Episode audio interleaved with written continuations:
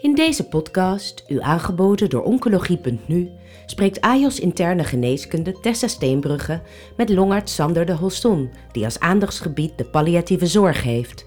Zij spreken over zijn ervaringen in en ambities voor de palliatieve zorg en het boek dat recent uitkwam onder zijn redactie. Probleemgeoriënteerd denken in de palliatieve zorg.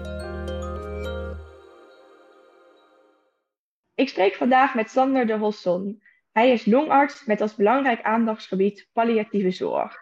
Hij richtte in 2020 het platform Carent op om palliatieve zorg een breder podium te geven en schrijft regelmatig columns en ook het boek Leven toevoegen aan de dagen. Begin van dit jaar verscheen een nieuwe druk van het boek Probleemgeoriënteerd denken in de palliatieve zorg. Een boek waarin klinisch redeneren in de palliatieve zorg aan de hand van 35 casussen wordt beschreven voor zowel studentengeneeskunde, artsen in opleiding tot specialist, specialisten en andere hulpverleners die te maken hebben met palliatieve zorg. Sander is een van de redactieleden en vandaag spreek ik hem over zijn vak en de totstandkoming van de tweede druk van dit boek. Sander, welkom.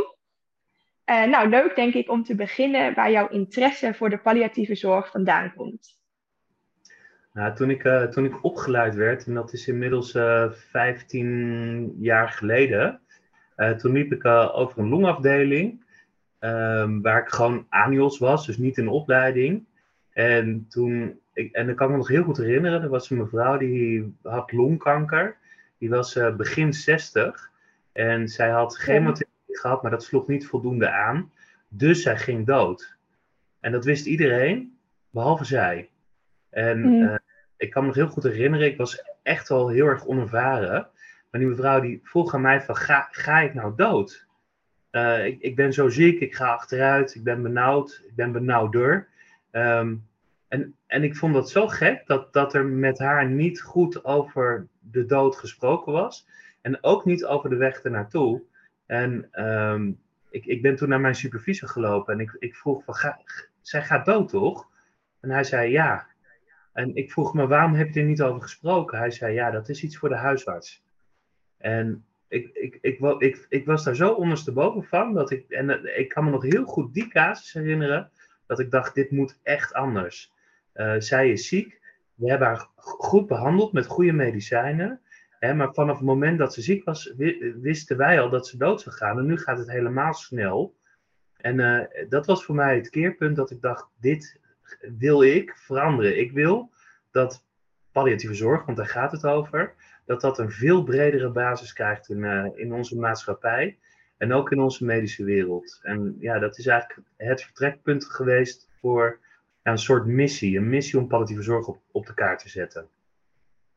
Nou, wat mooi. En uh, volgens mij lukt dat ook best wel goed. Uh, ik ben zelf momenteel in opleiding tot internist. En uh, gelukkig is er in onze opleiding al veel meer aandacht voor. Um, daar is ook nog zeker ruimte voor verbetering. Ja. En ik denk dat jij aan deze casus eigenlijk al illustreert wat palliatieve zorg inhoudt, maar wil je het ook nog even toelichten? Ja, palliatieve zorg is alle zorg voor mensen die niet meer beter worden en hun naasten. En wat heel belangrijk in de palliatieve zorg is, is dat niet alleen het lichamelijk lijden aandacht krijgt, hè, pijn en benauwdheid, maar zeker ook psychosociale uh, aspecten. Dus, dus echt veel aandacht voor uh, angstklachten die mensen doormaken uh, en voor sociale problematiek. Want een patiënt is nooit alleen ziek, maar ook het systeem om hem heen ja, loopt eigenlijk in een live event. En want alles verandert. En ja, als je alleen maar richt op de lichamelijke aspecten en als je alleen maar richt op de patiënt, ja, dan vind ik, dan ben je niet, uh, als, als zorgverlener mis je dan echt een paar afslagen. En, dat en dat is wat palliatieve zorg heel, heel graag wil. Dus het, het uh, ondersteuning van, het, van al die verschillende domeinen. Uh, ik, ik vergat nog om zingeving te noemen, want dat is waar mensen ook vaak heel erg tegenaan lopen, zingevingsproblematiek. En, en dan kan je als, als dokter heel goed bezig zijn met die tumor kleiner maken en de bijwerk, bijwerkingen managen van, van, uh, van de chemotherapie bijvoorbeeld. Maar dan laat je wel een aantal domeinen liggen uh, die vindt de palliatieve zorg ook heel veel aandacht nodig hebben. Ja, en die ook een belangrijke wisselwerking hebben op het welzijn van de patiënt en de omgeving. En ja, ja vice versa weer. Ja. ja. Dus ja, ik, de palliatieve zorg is wel echt met een, met een, in, in een soort kantelpunt. En dat zei je ook al, hè? ook in de in, interne geneeskundeopleiding komt er meer aandacht voor. Je ziet dat al langer in de verpleeghuiswereld en in de huisartsenwereld dat het steeds meer aandacht krijgt. Ik denk dat het nog volstrekt onvoldoende is en dat we nog lang niet op het niveau zijn waar we moeten, waar we moeten zijn. Maar het begint wel te keren en te kantelen. En dat is, dat is prachtig om te zien. Ja, dat is een, alvast een hele goede stap. En het boek waar we het uh, verder over gaan hebben, kan daar ook een belangrijke rol in spelen. de eerste druk van het boek Probleemgeoriënteerd Denken in de palliatieve zorg verscheen al in 2012. Waarom kwam er nu een tweede druk?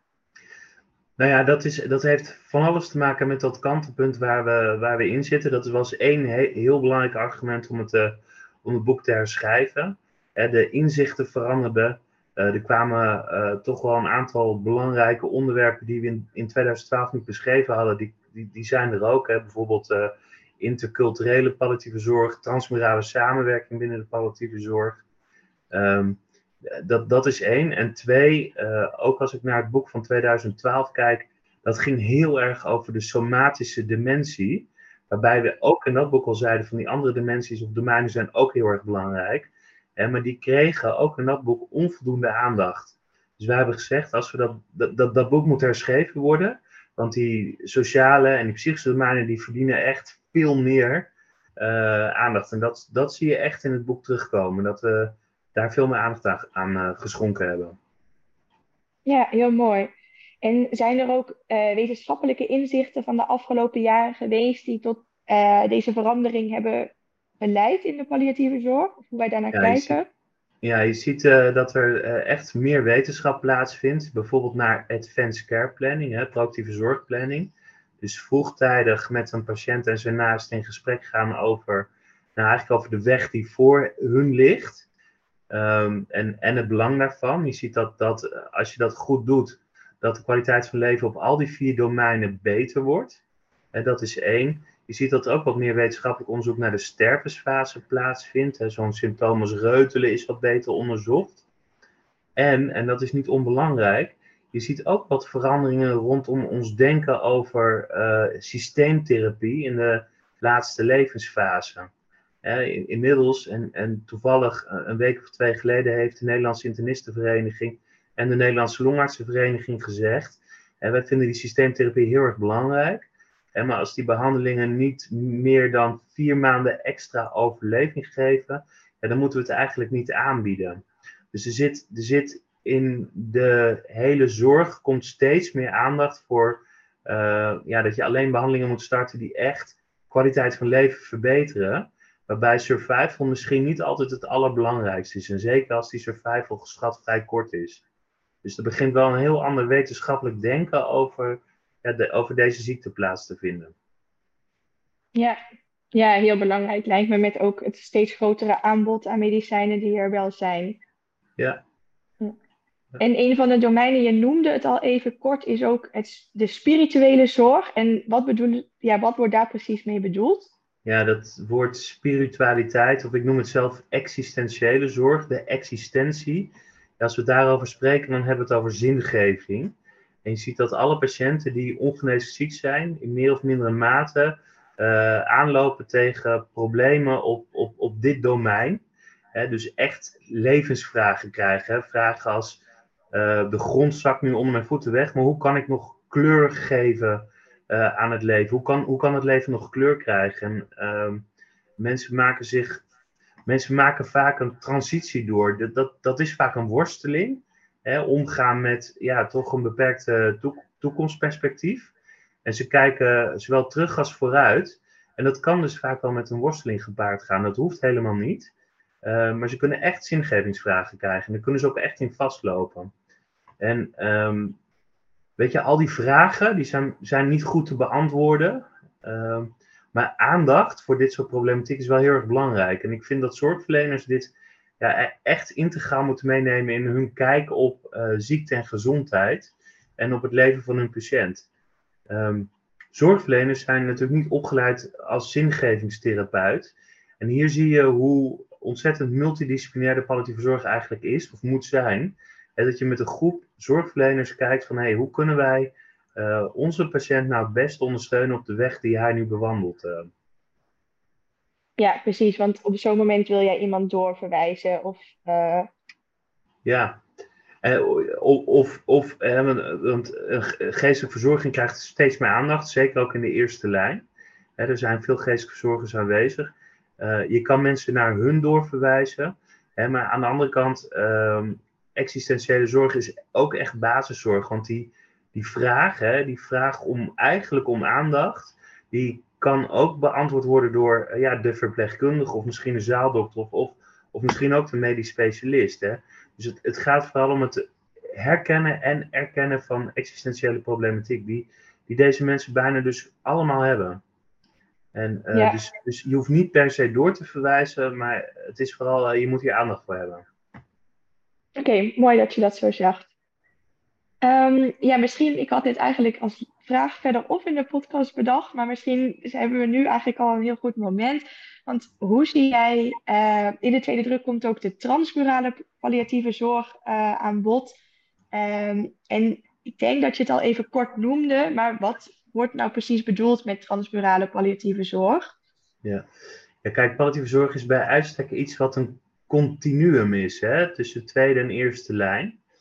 Um, wat er gaat gebeuren de komende decennia, toevallig had uh, minister Helder het daar ook afgelopen week over. Er gaat een enorme stijging van het aantal patiënten uh, plaatsvinden dat zich in de palliatieve fase bevindt.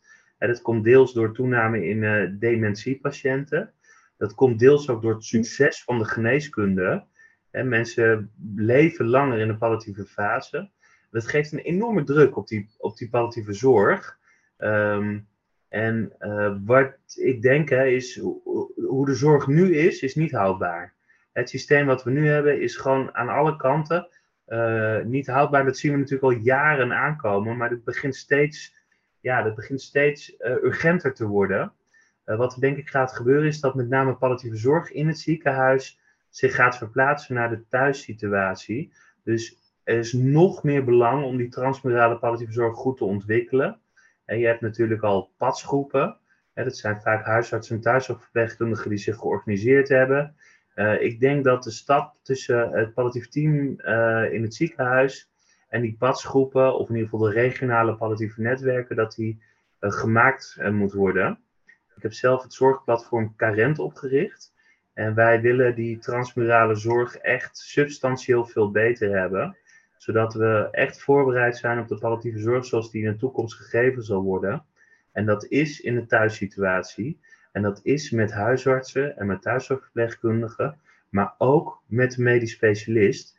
Dus ik denk dat de medisch specialist voor een deel de patiënt achterna gaat en samen, letterlijk fysiek samen met de huisarts, uh, dit soort palliatieve zorg gaat verlenen in de, in de thuissituatie. Hè, waarbij natuurlijk veel basispalliatieve zorg is. Maar de complexe palliatieve zorgvragen die kunnen dan opgelost worden met medisch specialisten. Nou, dat is een hele mooie ambitie. Zeker, uh, ja. ja. Wij hopen snel een centrum te openen op dit vlak. Oké, okay. nou, ja. uh, we kijken uit naar uh, de volgende stap. ik wil even terug naar het boek en naar een specifieke casus die volgens mij ook nieuw is in het boek. En uh, daarin wordt uh, een 28-jarige vrouw beschreven die samen met haar partner en ouders naar de poli komt in verband met de naar de lever en botten gemetastaseerd mammacarcinoom. En zij lijkt zelf die diagnose eigenlijk nog niet helemaal te bevatten. Uh, haar ouders en partner zijn daar al veel meer van doordrongen en op dat moment ook heel erg verdrietig. Um, en waarom, ja, deze casus krijgt veel aandacht. Waarom is het zo belangrijk om een jong persoon met kanker op tijd te erkennen? Nou, omdat de dynamiek is natuurlijk heel erg anders en de, en de zorgvragen zijn ook uh, heel erg anders. Dit gaat om mensen die vaak uh, in, de, in de bloei van hun leven zijn. Um, en, en daarom voor een deel ook tegen andere problematiek aanlopen. En kijk, de, de, het to toekomstperspectief van een naderende dood, die verschilt niet zo, zozeer met patiënten op oudere leeftijd. Maar je ziet wel vaak dat uh, er vragen zijn, meer vragen zijn over bijvoorbeeld seksualiteit, over vruchtbaarheid, over. Um, het zijn vaak hele zeldzame ziekten. En je ziet ook dat de zorg rondom dit soort patiënten is vaak in, in academische centra georganiseerd. En met wel hele specifieke problematieken uh, die er zijn. En um, ja, vooral die bloei, uh, of, of, geraakt worden in de bloei van je leven, dat vereist echt wel een, wat andere aanpak. Wat, ik had het net over ACP, Advanced Care Planning. Je ziet dat dat, uh, dat dat bij deze groep vaak in een heel laat stadium plaatsvindt. En, en daar roept het boek eigenlijk ook toe op: van ja, ga eerder met deze patiënten praten over ja, in feite de um, onomkeerbaarheid van de naderende dood. Want die gaat er op moment X komen. Uh, en niet om, uh, om vijf voor twaalf. Dus ja, er zijn echt wel een aantal uh, andere of verschillende aandachtspunten bij deze groep ten opzichte van een oudere populatie. Ja, en dat wordt dan toch door zorg, veel zorgverleners als moeilijker ervaren om over de dood te praten met een jong iemand. Ja, zeker als een jongere kinderen om dat, om, om dat bed heen lopen, is dat heel ingewikkeld. En maar toch is het uh, vermijden van dit soort belangrijke gesprekken is, is echt uiteindelijk schadelijker dan dat je dat niet doet. Uh. Ja, nou fijn dat daar aandacht voor is gekomen. En ik denk dat je het ook al noemde, hè, de belangrijke thema's om aandacht voor te hebben, zoals inderdaad die vruchtbaarheid en de seksualiteit. En volgens mij ook veel ja, vragen over wel of niet nog blijven werken en hoe dat moet ja. met uh, integratie. Ja, ja, het is een hele mooie casus om door te nemen. En um, nou ja, dat er aan de hand van de vragen die gesteld wordt, eigenlijk al deze thema's die voor een jong persoon uh, belangrijk zijn, aandacht krijgen. Ja, klopt. Uh, een ander belangrijk verschil uh, met de, van de tweede druk van dit boek is meer aandacht voor de interculturele palliatieve zorg. wat merk jij hiervan in de dagelijkse praktijk? Ik zit zelf in een, ik werk in een omgeving met wat minder mensen uit een andere cultuur. En we weten bijvoorbeeld met name de Randstad of ook in het oosten van Nederland zitten natuurlijk veel patiënten um, vanuit een andere cultuur. En je ziet dat omgaan met dood is bij die mensen echt anders dan bij patiënten met, met een Nederlandse achtergrond. Um, bijvoorbeeld, en dat, dat zit alleen al in de communicatie. En je praat met mensen uit een andere cultuur nooit heel recht toe recht aan over doodgaan. Dat, dat wordt hm. door hun ervaren alsof ze al aan het sterven zijn.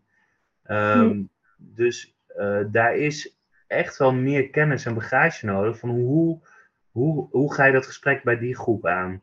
En wat zorgverleners natuurlijk heel erg herkennen is dat uh, als iemand stervende is, dat, dat de, de afdeling snel gevuld is met 30, uh, 30 familieleden. En dat is best wel lastig, want dan heb je gesprek met heel veel mensen. Uh, ik heb uh, veel geleerd van uh, Mustafa Bouloud, die ook dit hoofdstuk geschreven heeft.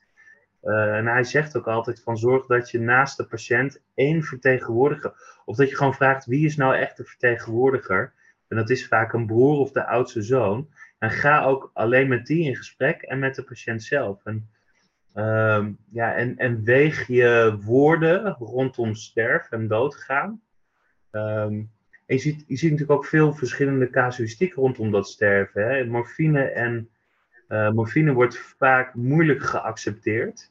Hè, want dan krijg je dus uh, ja, psychoactieve medicatie. Dat is lastig met religieuze overtuigingen. Euthanasie is al helemaal uitgekozen.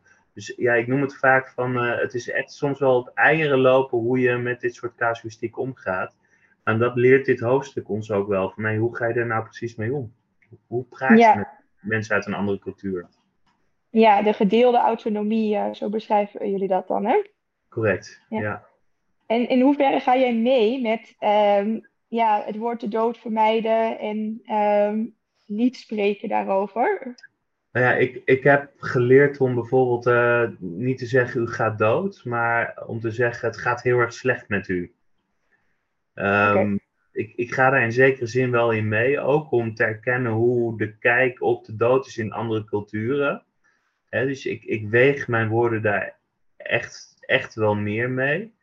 Um, ander punt is bijvoorbeeld uh, vochttoedieningen in de laatste levensfase in, in onze richtlijn palliatieve sedatie staat van je moet absoluut geen vocht toedienen.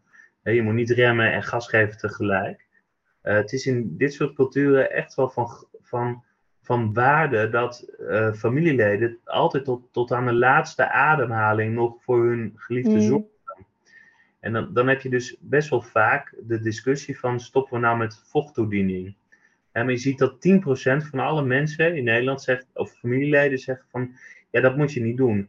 En ik moet zeggen, dat is echt op eieren lopen. En ja, ik, ik, uh, het, het wel of niet toedienen van vocht heeft helemaal geen invloed op uh, de levensverwachting. Uh, maar ook niet op symptomatologie. Ik denk, ja, dat is dan ook maatwerk. En ja, dus ik, ik, eerder dan vroeger geef ik dan toch een half liter vocht bijvoorbeeld. En ik weet dat ik dan afwijk van de richtlijn. Dus ik, ik beargumenteer mm -hmm. dat ook in de status. Maar ik denk dat dat echt van waarde kan zijn. Dus ook die zorg in de terminale fase kan echt wel een maatwerk zijn in dit soort situaties. Ja, mooi. Mooi om te horen. En ja, we hebben al veel verschillende bes dingen besproken. Uh, wat we geleerd hebben, wat uh, belangrijk is in de palliatieve zorg in de toekomst. Ik wil jou heel graag het laatste woord geven. Wat zou jij behandelaars in onder andere de oncologie willen meegeven?